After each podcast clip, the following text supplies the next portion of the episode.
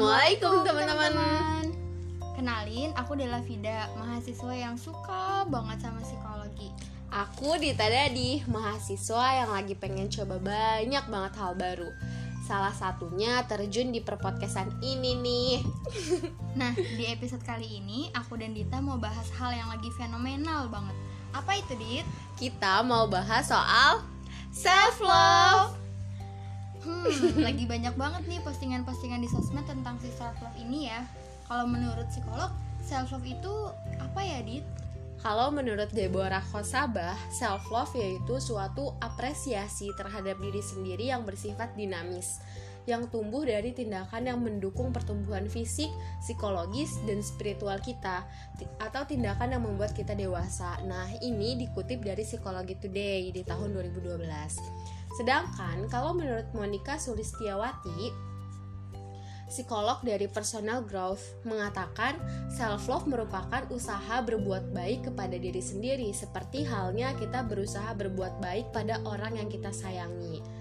Nah, satu lagi nih, menurut Samantha Ananta mengatakan bahwa self love adalah tentang bagaimana individu menghargai dirinya sendiri dan menunjukkan rasa sayang pada dirinya dengan merawat diri sebaik mungkin. Kurang lebih gitu sih Del kalau menurut psikolog. Oh, gitu. Sehingga prinsipnya itu self love itu adalah bagaimana kita tuh menyayangi diri kita sendiri ya, Dit. Ya namanya juga sayang, pasti kan alamiahnya kita akan menjaga hal yang kita sayang dari segala sesuatu yang merusak, mengusahakan sesuatu yang terbaik untuk sesuatu yang kita sayang, menjauhkan hal yang kita sayang dari bahaya ataupun masalah, dan lain sebagainya. Nah, dalam prinsip ini, rasa sayang tersebut ditunjukkan kepada diri kita sendiri, gitu. gitu. Iya, gitu. Benar sih kayak gitu maksudnya. Eh, kalau misalkan dari gambaran kamu, gimana sih Dit perilaku konkret dari self love? Biasanya ya, orang yang self love itu benar-benar memperhatikan siapa diri mereka dan bagaimana cara mereka bertindak berdasarkan pengetahuan Del. Bukan karena dorongan dari apa yang orang lain inginkan. Orang-orang yang self love cenderung bertindak sesuai yang dibutuhkan, sehingga terhindar dari masalah, tidak stuck di masa lalu, dan terhindar dari pola-pola perilaku otomatis yang bisa membutakan mereka dan sebagainya. Orang-orang yang self love juga biasanya menetapkan batasan atau self regulation ya kan? Untuk diri untuk diri mereka sendiri atau untuk lingkungannya. Kayak semisal ada orang yang mau sehat. Dia menetapkan batasan untuk minum air putih 2 liter per hari. Memperhatikan makanan yang dimakannya olahraga yang rutin tidur secukupnya dan sebagainya. Nah selain itu Orang yang mencintai dirinya pasti memaafkan kesalahan yang sudah mereka buat dan mencoba memperbaikinya supaya nggak diulangi lagi. Karena orang-orang yang self love paham kalau tidak ada sesuatu yang sempurna di dunia ini. Semua orang sama-sama berproses memperbaiki dirinya. Salah satunya dengan meng- mengupgrade kualitas diri atau istilah kerennya tahu nggak apa? Apa? Educate their their self. Eh, Asik. gimana? Iya gitu Gitulah ya. uh, uh, meng mengide mengedukasi mengedukasi diri sendiri mengedukasi dirinya uh, dengan sesuatu yang penting banget untuk dilakukan karena uh, dari edukasi itulah kita bisa mengupgrade kualitas diri kita uh, mengupgrade kualitas diri kita supaya kita terhindar dari kerusakan yang ada kita terjaga dari kesalahan dan sebagainya. Menurut aku ketika kita ingin lebih mencintai diri kita, maka sudah seharusnya kita meningkatkan kualitas diri. Caranya tuh banyak banget, kayak semisal bisa uh, mulai dari baca buku, ikut seminar. Cuman kan karena lagi covid, akhirnya jadinya webinar, ya Iya. kan? Terus uh, diskusi keilmuan, sekolah formal, bahkan sampai follow orang-orang yang memberikan ilmunya secara gratis di sosial media. Nah itu kan banyak banget kan. Bener. Nah itu salah satu cara kita untuk mengupgrade kualitas diri kita. Terus uh, orang-orang yang self love tadi uh, secara tidak langsung akan menjauhi dirinya dari lingkungan yang toksik. Lingkungan toksik yang dimaksud adalah ketika ada di lingkungan yang tidak bisa membuat dirinya tumbuh, berkembang, maju dan sebagainya. Nah, kita justru stuck di posisi itu gitu kan. Tidak ada perubahan, membawa dampak negatif dan sebagainya. Sehingga kalau kita cinta sama diri kita sendiri kita bisa memilih untuk tidak terus-terusan berada di lingkungan yang toksik tersebut.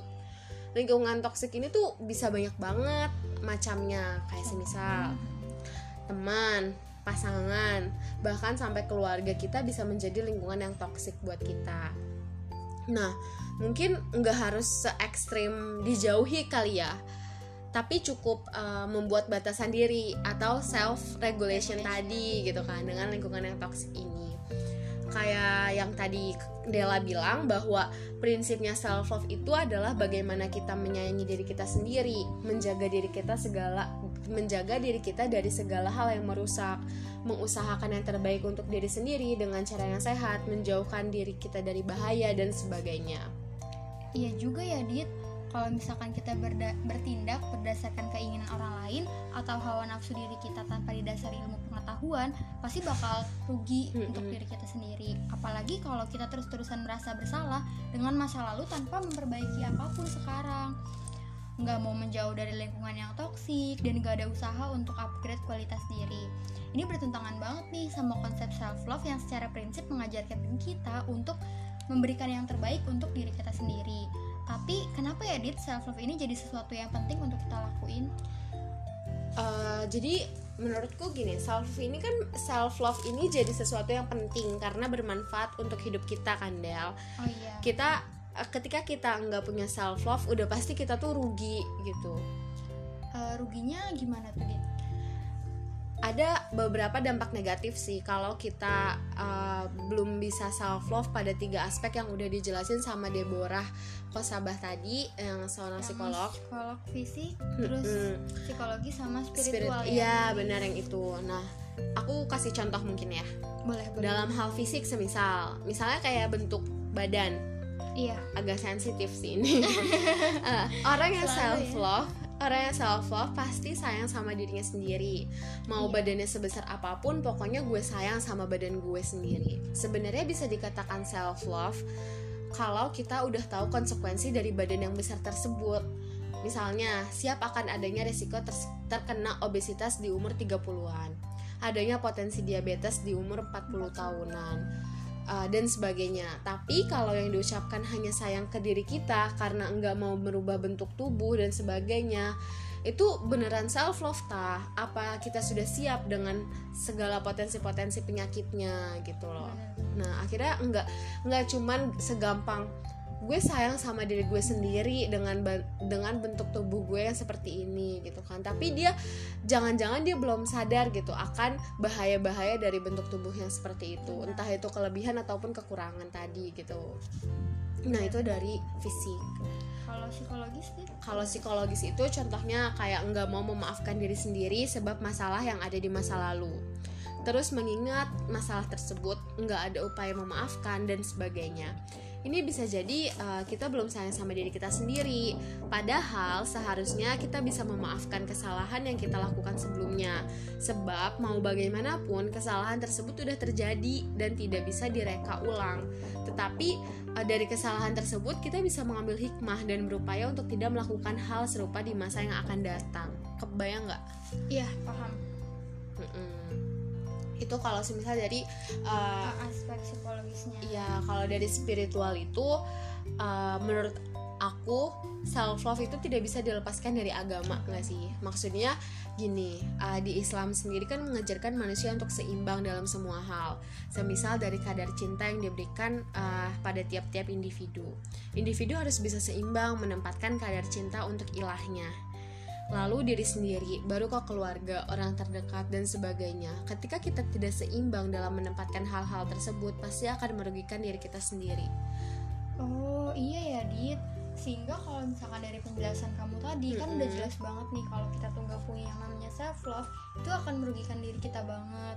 Sehingga kesimpulannya ya menurutku kita tuh wajib harus kudu dan mesti banget nerapin self love ini supaya kita terhindar dari hal-hal yang merusak. Bukan cuma dalam jangka pendek aja tapi secara jangka panjangnya -hmm. juga. Nah sebelum podcast ini tutup aku mau kasih satu kutipan. Boleh nggak dit? Boleh. Boleh boleh boleh. Uh, apa? ini sih kebetulan dapat dari Google. Disclaimer ya.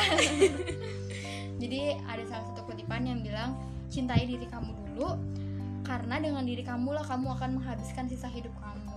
Sehingga apa ya dari situ kan hikmah yang bisa diambil adalah Mm-mm.